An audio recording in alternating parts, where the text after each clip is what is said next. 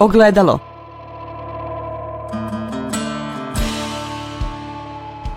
Podcast Autonomije.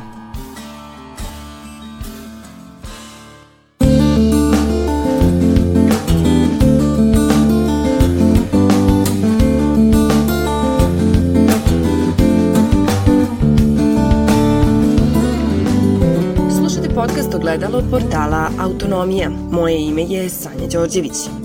Da li Beograđani znaju šta su stvarni problemi u Malom Iđošu? Kako građani Perleza mogu sami da donose odluke koje se tiču njihove zajednice? Zašto se u krugu dvojke odlučuje o Južno-Bačkom okrugu? O tome koji su uslovi potrebni da bi vlast uopšte mogla da se decentralizuje, koje su prednosti, ali i mane decentralizacije i kako će decentralizacija izgledati u ogledalu izbora, govori gost ogledala Aleksandar Popov iz Novosadskog centra za regionalizam, koji će nam pre svega reći zašto što je važno da vlast bude decentralizovana? U principu subsidijarnost i sve ono što je racionalnije da se obavlja na nižim nivoima vlasti treba preneti na niže nivoje vlasti ne opterećivati time centralnu državu. Zna se koji su uh, ovlašćenja i zadaci centralne države, to je odbrana, spoljna politika, fiskalna politika i tako dalje, dok e, na, na nižim nivoima se lakše sagledavaju lokalni e, pro, problemi lokal, ako se decentralizuje vlast, ta decentralizovana vlast je, na primjer, u regionima ili u subregionima eh, i u lokalnim samoupravama, naravno, ona je bliža ili je najbliža građanima, tako da eh, građani, ako bi se tu uveo većinski sistem eh, glasanja, oni tačno znaju koga su izabrali i ko, ko im je odgovoran za to. Znači, ta vlast je pod boljom kontrolom, ona je, ona je sigurno efikasnija nego centralna vlast, jer ne može se na, na centralnom nivou ne mogu sagledati potrebe, na primjer, Niškog regiona ili bilo koje druge regije u Srbiji, kao što mogu e, vlasti koje su građani tamo izabrali da sagledaju te potrebe i da na najracionalniji način e, troše ta sredstva. Na kraju krajeva, oni mogu da budu i kaženi na sećim izborima ukoliko ne ispune e, volju svojih birača. Da li je moguće da u Srbiji vlast bude decentralizovana kao na primjer u Nemačkoj? Vi ste dali primjer Nemačke, ali ajde da krenemo od generalnog pitanja da li uopšte može biti decentralizovana. Uh, u jednom ovako autoritarnom sistemu kakav je sada u Srbiji, da je vlast u rukama ne neke centralne vlasti, nego jednog čovjeka bukvalno, ako mi nemamo podelu vlasti po horizontali, Znači, ako ne funkcioniše ta podela vlasti na zakonodavnu, izvršnu i sudsku vlast, jer je sve pod, volju, pod uticajem volje jednog čovjeka, onda se ne može govoriti ni o vertikalnoj podeli vlasti, odnosno na podeli vlasti na centralni nivo, regionalni nivo, subregionalni i tako da je. Postoji kod nas uh, jedino lokalna samuprava, ali koja je također, pošto se e, je ova vlast težila da na svim nivoima niže nivoje vlasti u podobi vlasti na centralnom nivou, znači da na svim nivoima bude jedna vladajuća stranka glavna, onda ne može se govoriti uopšte o, o nekoj decentralizaciji. E, vidjeli smo da ova vlast ima tendenciju da drži sve pod ko, svojom kontrolom do najnižeg nivoa, znači do, do mesih zajednica. Njima smeta pluralizam na bilo kom nivou.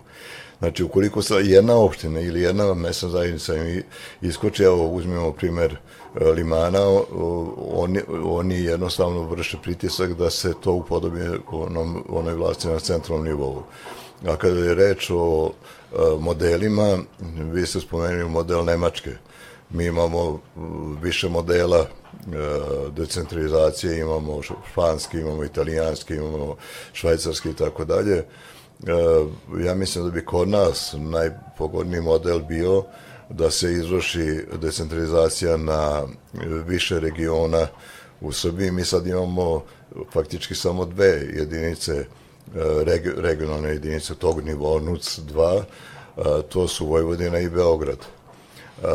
Po zakonu o regionalnom razvoju koji je usvojen 2009. godine ocrtani su statistički regioni, znači to nije decentralizacija prava, nego mehanizam za prihvatanje predpristupnih fondova i za njihovo trošenje i kontrolu trošenja kroz regionalne razvojne agencije. Ali prvi put je u istoriji Srbije su ocrtani neki mogući regioni kao prirodne neke celine geografske, ekonomske i tako dalje. Tako da smo po prvoj varijanti tog zakona imali u centralnoj Srbiji smo imali četiri regiona, to je bio istočni, južni, centralni i zapadni region. I to bi bila jedna dobra podela na, na regione, ukoliko bi se izvršila i, i suštinska institucionalna decentralizacija. Nažalost, taj zakon je kasnije promenjen, zbog toga što je bilo pobune e, što su dve opštine Sanđaka pripale drugom regionu, nisu pripale zapadnom regionu i onda je taj e, zakon modifikovan tako da sada imamo e, u centralnoj Srbiji dva regiona, znači spojeni su istočni i južni i zapadni i centralni nivo. Međutim, to sad uopšte nije ni bitno jer prvo taj zakon o regionalnom razvoju, on skoro da ne funkcioniše, nikoga se i ne seća, jer imamo visoko centralizovanu državu, ali ovdje ako bi se primenio takav jedan model decentralizacije, tu bi morao da bude asimetrična e, decentralizacija, znači da se primeni princip e, postupnosti u davanju nadležnosti. Jer mi imamo e, Beograd kao jednu celinu godinu, kao istorijsku jednu autonomiju, gde postoje i postoji vojvođanski identitet, postoje duga, duga tradicija autonomnosti, znači da, da ne može u prvo u vreme, ako se izvrši takva decentralizacija, da novostvoreni regioni imaju isti nivo nadležnosti kao Vojvodina. Znači morao bi postupnost i razvojnost. Tako da se ti regioni kasnije kandiduju za viši nivo ovlašćenja koji bi imali. Koji su to mehanizmi uz pomoć kojih bi mogla da se uspostavi veća decentralizacija? Pa za sada kad imamo ovakav sistem kakav je sada u Srbiji, e, za sada je ta tema na neki način skrajnuta potpuno. Međutim, da bi se krenulo u decentralizaciju Srbije, moralo bi se prvo stvoriti politička volja. E, mi smo imali jedan pokušaj e, 2009. Godine formiran Nacionalni savez za decentralizaciju E, i bila je mm, e, stručna radna grupa koja je trebala da napravi taj, e, taj neki nacrt tog koncepta decentralizacije. Ja sam bio na čelu te ekspertske grupe i međutim i ona vlast koju su, da je su okosnica bili de, demokratska stranka, i ona vlast nije bila prijemčiva za tu ideju i kad je naša ekspertska grupa izašla sa tim konceptom, onda odjednom je došlo do blokade tog nacionalnog saveta za decentralizaciju, održana je samo jedna sednica koja je trajala dva sata prekinuta i ništa se više nije desilo posle toga. Dakle, e, uglavnom vlast na centralnom nivou ima e, taj, tu neku želju da sve drži pod svojom šapom i, i e, para, i, makar i siromaštva, ako ništa drugo, ali da ona određuje i uh, ko će biti gde na, na čelnim pozicijama, ali ujedno i koliko će ko dobijeti sredstava. Evo, Jagodina je ispala sada uh, uspešna lokalna samuprava samo zato što uh, stranka koja je na, tamo vodeća i čelni čovek je u vladajućoj koaliciji. I onda naravno ona zahvata sada daleko više sestava nego što bi po bilo kom kriterijumu njoj pripadalo u odnosu na druge vlasti. E sada direktno odgovorim na vaše pitanje, da bi se došlo do uh, početka decentralizacije, prvo bi morao da ode ovakva vlast, jedna autoritarna vlast koja uh, stalno zagovara sabornost, znači svi moramo biti jedna misa, jedna ideja, to je plemenski onaj sistem, da tako kažem, kada, bi do, kada dođe jednog dana, ja se nadam da će doživjeti to do prave demokratizacije Srbije, onda se moraju, prvo se mora promeniti ustav. Po sadašnjem ustavu e, Vojvodina, na primjer, kao autonomija, jedina autonomija, pre su bile dve autonomne pokrajine, ona ima samo jedno jedino e, izvorno ovlašćenje to je regulisano u članu 183, da donosi svoje zamenje na grb i zastavu. I ništa više. Sve ostalo je u skladu sa ustavom i zakonima republičkim, tako da je faktički to fasadna autonomija.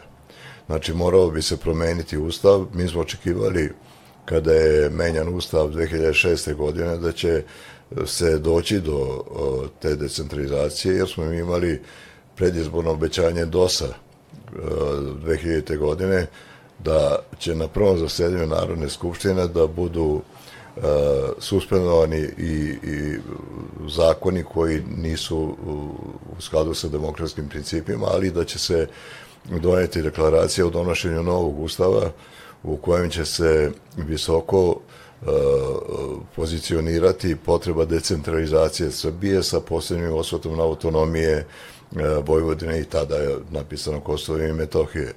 E, međutim, to izborno, predizborno obećanje prekršeno, e, menjala se ta vlast, menjala se, dolaz, došli su, došli je došao na vlast, međutim, imali smo dva dobra koncepta ustava sa veoma visokim, visokih nivoa, 2005. godine je prvo izašao koncept predsjednika Srbije, tada je Tadić bio predsjednik, koji je imao svoju ekspertsku grupu, da je bilo predviđeno za autonomne pokrajine da one imaju i zakonodavnu, i izvršnu, i sudsku vlast. Jer te tri vlasti, ako ima zakonodavnu vlast, onda mora imati sudsku vlast da štiti tu autonomiju, znači ono što je, one zakone koje donosi e, pokrajinska skupština. E, isto, I u isto vreme skoro izašao i koncept vlade e, Republike Srbije, na čijem čelu je bio Koštunica. On se posle pravdao da je to izvršeno, da je to, mm, da je do tog koncepta se došlo zbog e, koalicijnih partnera koji su na tome insistirali. Međutim, i u tom konceptu je bilo predviđeno da pokrene imaju, e, e, imaju i zakonodavnu vlast. A, a, međutim, donet je ustav 2006. godine, navrat na nos kao da bi se za, zaštitilo Kosovo zbog one čuvene preambule da je ona da je Kosovo sastavni deo Srbije što bi trebalo da se podrazumeva znači sami su sebi skočili u ustav na neki način e, i e, u tom ustavu je e, taj ustav je visoko e, centralistički i evo umjesto ova dva ovakva dva koncepta kakva su bila godinu na ranije mi smo dobili visoko centralistički e, centralistički ustav. Dakle, izneverana su tada, tada očekivanja, očekivanja ljudi koji žive van, van Beograda.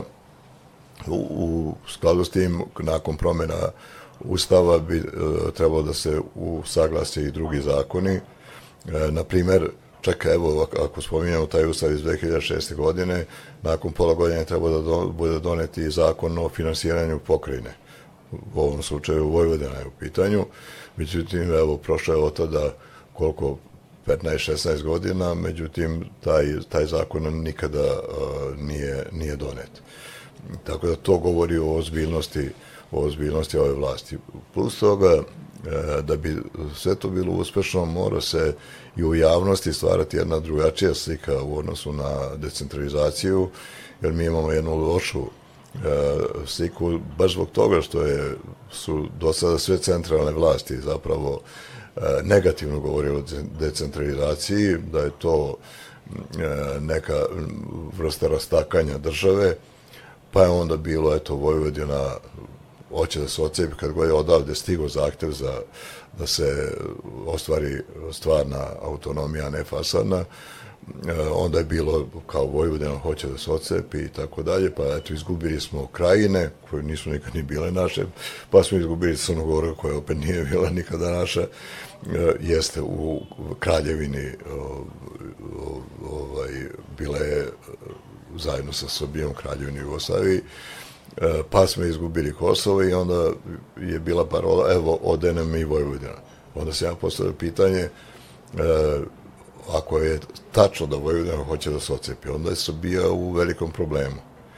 Jer ako je Kosovo telo da se ocepi, da je 90% Albana, albanskog življa, otprilike, e, zbog čega onda bi Vojvodina žela da se ocepi ako ovde je preko 70, možda i verovatno i više, ne znam šta je šta će novi popis pokazati, e, postao Srba, ako, ako oni hoće da se ocepe od Srbije, onda nešto tu jako, jako ne valja u celoj toj priči.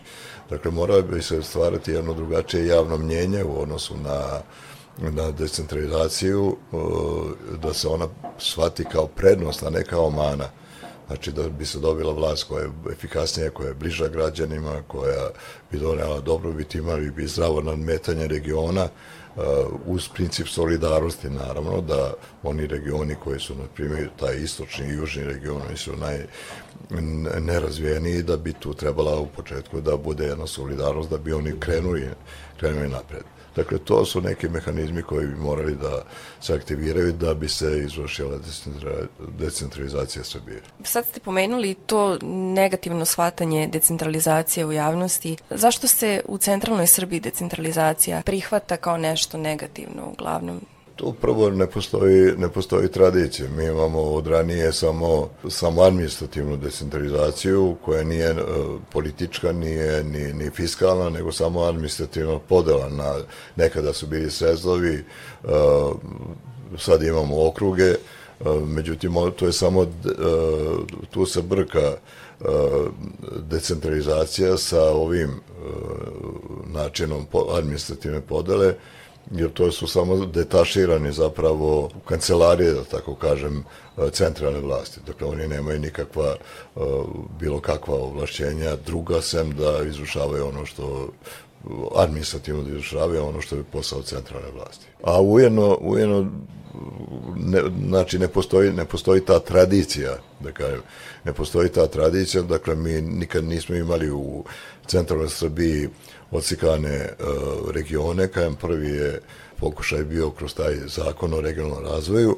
Međutim, to je bio jedan pokušaj od jedne političke grupacije koje je predvodio Dinkić, to je bilo pred izbore, mislim, 2008. godine, da su stvoreni ujedine regioni Srbije, koji su se zalagali za, za decentralizaciju i centralne Srbije, s tim što taj koncept koji su oni napravili imao svoju svoju uh, manu zato što je to bila uh, simetrična decentralizacija da bi Vojvodina na primjer imali isti nivo povlačenja kao i novostvoreni regioni. Ja sam učestvovao u toj uh, raspravi o tom, o tom njihovom konceptu, međutim, nažalost, taj koncept e, nije pobedio. Znači, Ujedinjeni regioni Srbije su jedva nekako prošli. Ne, to je bilo 2012. godine, da jedva su nekako prošli sa uh, uši u Skupštinu Srbije, međutim, bili su toliko zanemarljiva većina, da kasnije su izašli iz, iz vlasti, bili su čak jedno, jedno vreme i deo vlasti. Da li postoje loše strane decentralizacije? Pa naravno, kao i sve, ako se loše primeni, onda može da, da ima negativne posljedice. Decentralizacija, kao što sam i, i ranije rekao, ona podrazumeva jednu, ona ide uporedo sa demokratizacijom. Znači, to su dva ista procesa. E, decentralizacija pomaže demokratizacija Srbije, a demokratizacija Srbije podrazumevala bi i decentralizaciju. Ne obavezno, jer mi imamo, e, na primjer, u, ovim, u ovom procesu pridruživanja Europske unije neće, videli ste da niko ne insistira na decentralizaciji insistiraju samo na tome da e, na ravnomernom regionalnom razvoju, ali to su drugi mehanizmi, znači ne mora biti politička decentralizacija. I to se ispunjava sa onim što predviđa, na primjer, zakon o regionalnom razvoju i tu ima instrumenti koji to podrazumevaju. Ako mi imamo lošu e, centralnu vlast koja nije demokratska, koja je etatizovana, koja je birokratska, onda se to može presikati i na e, ove niže nivoje vlasti, znači i na regione, tako da imamo samo presikanu tu istu vlast i ništa nema boljitka, građani nema nikakav boljitak od, od e, toga što je e, decentralizovana država. Može da bude i druge vrste neracionalnosti, ali to prati znači, ovaj princip a to je da, na primjer, da imamo neracionalnu lokalnu vlast, u stvari regionalnu vlast, koja će biti isto tako birokratizovana, koja će zapošljavati e, više više ljudi i tako dalje, trošiti, trošiti više, pa onda ispane da je jeftinija e, centralna vlast, e, centralizovana vlast nego, nego ovo. Međutim, Ja sam uvek tvrdio i mislim da e, činjenica pokazuje da je najskuplja centralizovana država zato što je ona neracionalna. Pogledajmo samo kako raspolaže resursima po regionima. Da li bi se dešavalo, na primjer, Rio Tinto i sve ovo što se sada dešava, kada bi građani u svojim regionima ili subregionima imali mogućnost da odlučuju o, o mnogim stvarima. Kako se kontroliše decentralizovana vlast? Decentralizovana vlast se kontroliše kroz izbore, kroz izbornu volju građana. Dakle, građani, građani će izabrati one koje misle da, da će ih najbolje zastupati. Mi ovdje moramo voditi računa da o svim nivoima decentralizacija, znači i lokalna samuprava je decentralizacija, nekako zavisi samo koji nivo ovlašćenja ima e, lokalna samuprava. Ona jeste najbliža građanima i građani tu najbolje vide koje su mane i, i šta se radi na, na tom e, lokalnom ili regionalnom nivou, tako da će vlast koja ne radi kako treba, ona će biti kažena na, na izborima. Dakle, izbori su način da, da se ili, ili da, da se vlast zapravo stavi pod kontrolu građana, jer e, ako ne rade dobro, oni neće pobediti na narednim izborima. To je jedini mehanizam? Ne, nije jedini mehanizam. Mi imamo, mi imamo mogućnost da kroz civilnu kontrolu vlasti postoje organizacije civilnog društva koje su uh, specijalizovane za pojedine oblasti, od ekologije, od uh, ljudskih manjinskih prava, od uh, zakonodavstva do, do niz drugih oblasti. Dakle, te organizacije civilnog društva mogu da organizuju građane koji bi, koji bi u kontinuitetu vršili kontrolu, kontrolu vlasti. Tu su mediji također, koji je veoma značajan uh, faktor. Dakle, oni mogu u kontinuitetu ne samo kroz izborne procese da, da e, na neki način upozoravaju vlast, nego u kontinuitetu mogu da je upozoravaju kada loše radi i da na taj način uh, mobilišu javno mnjenje u prilog toga da se vrši pritisak na, na vlast da čini ono što u interesu građana. Dakle, tu, tu ima mehanizama koji, koji postoje, samo što sada u ovoj situaciji kad imamo ovakvu jednu tvrdu centralizaciju, u stvari jednu autoritarnu vlast, ono, ono postaje besmisleno, jer prvo imamo centralizovane medije, E, ovi slobodni mediji su pod stalnim pritiskom uh, sadašnje vlasti, organizacije civilnog društva također, mi smo ponovo došli na nivo toga da smo strani plaćenici, domaći izdajnici, e, zato nas već uveliko prozivaju, mi smo mislili da je to vreme davno prošlo, dakle to su mehanizmi koji bi mogli da kontrolišu uh, svaku odgovornu, odgovornu vlast, svaka odgovorna vlast bi čak trebala da E, bude zahvalan što postoje ti kontrolni mehanizmi zato što će ih upozoravati ako neki segment te vlasti ne radi dobro, da se to koriguje, da ne bi baš izgubili na narednim izborima. Dakle, svaka um, dobro vlast, ako nije ovako autoritarna, ako je i ole demokratska, njoj je poželjena dobra opozicija da je upozorava na, na greške koje pravi. Evo, na primjer, kod nas imamo sistem da se istovremeno održavaju izbori za centralni je lokalni e, nivo i predsjednički izbori.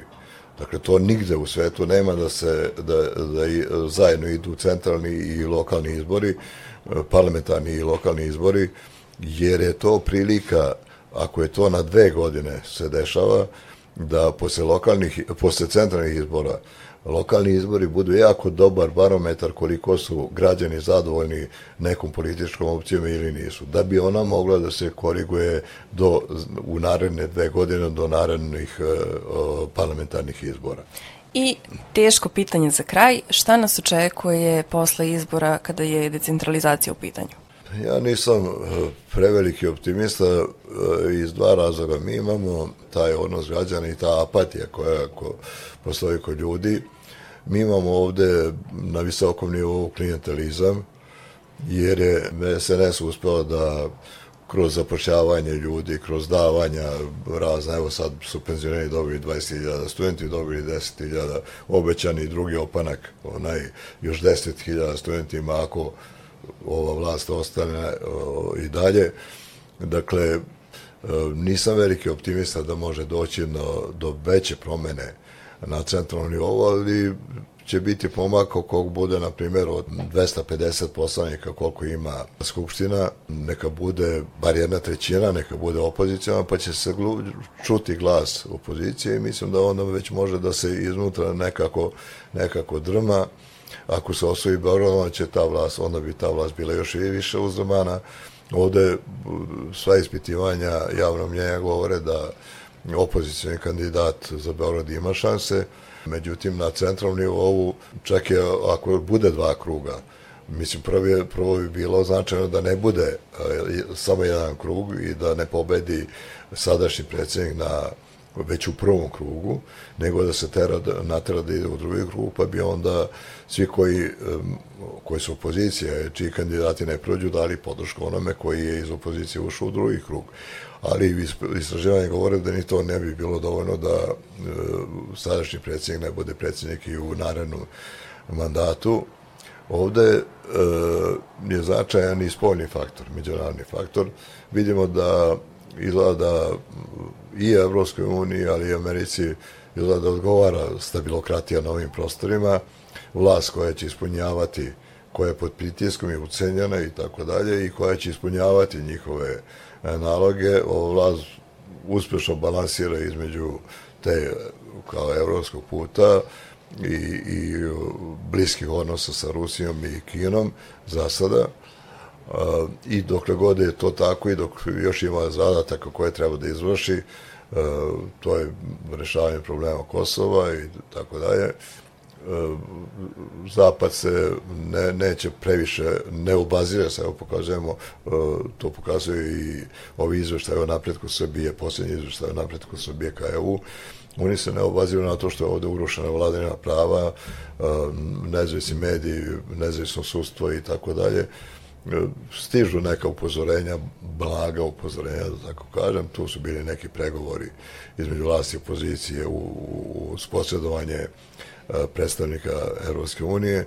Međutim, vidi se da je to sve, na neki način sve to išlo na, na ruku vladajućem režimu, sadašnjem vladajućem režimu, na kraju krajeva, što rekao Čečil, neće oni živjeti ovde, mi ćemo živjeti ovde. To se tiče naše kože, a ne njih. Dakle, i taj spojni faktor je veoma važan. Evo, setimo samo da je Milošević dugo bio faktor stabilnosti u regionu, a onda je pri kraju bio proglašen za e, balkanskog kasapina, i onda je i Zapad počeo da mu izlači e, storicu ispod njega i tada je i krenuo njegov pa nadole, znači, nadole, znači da je opozicija tada dobila i taj vetar u leđa od, od strane međunarodne zajednice, koga sada mi nemamo zapravo. Ja polajemo samo koju podršku uh, uživa uh, taj projekt e, Otvoreni Balkan, koji ide paralelno sa projektom Srpski svet, što je suprotno jedno drugom. Ako imaš koncept srpskog sveta, onda to znači da ti imaš petencija na teritoriji susjednih zemalja da je, u, da je značajna srpska populacija. Kako onda možeš ti steći poverenje građana, na primjer u Crnoj Gori ili Bosni i Hercegovini, da su ti namere dobre i da i oni treba da uđu u otvoreni Balkan? Jer onda postoje sumnje da je zapravo reč o konceptu, e, velikodržavnim konceptima Velike Srbije, Velike Albanije, na primjer, pa da se pravi trampa teritorija, mi vama Kosovo, a mi ćemo dobiti za uzvrat Republiku Srpsku i tako dalje, a i Crnu Goru ćemo prevoditi da bude, da bude pri nama. Dakle, i taj odnos međunarodne zajednice je važan faktor, tako da ja se bojim da značajnijih promjena sem možda da ako se osvoji Beograd, ja se iskreno nadam da će, e, neće doći, doći će do toga da ćemo imati glas opozicije u parlamentu, da će se malo više moći čuti njihov glas, međutim ako imamo kontrolisane medije koje su, su e, i ranije bili, znači svi mediji pod, sa nacionalnim frekvencijama, elektronski mediji su pod kontrolom sadašnje vlasti, pogledajmo šta rade tabloidi koji, su, koji imaju punu podršku države, finansijsku i svaku drugu, onda, onda glas u poziciji i u Skupštini zapravo ne dopire dovoljno do, do, do samih građana. Kako će dalje, dalje stvari rasplitati, ja, ja to stvarno ne mogu da predvidim. Šta će biti 4. aprila, tu sad treba biti stvarno vidovit, pa znati da li će se dešavati izborne krađe, pa će to izazvati i proteste građana i to je teško previjeti. Tako da, što kažu braća Slovenci, bomo videli. Hvala vam što ste gostovali u podcastu Ogledalo. Hvala vam. Ogledalo.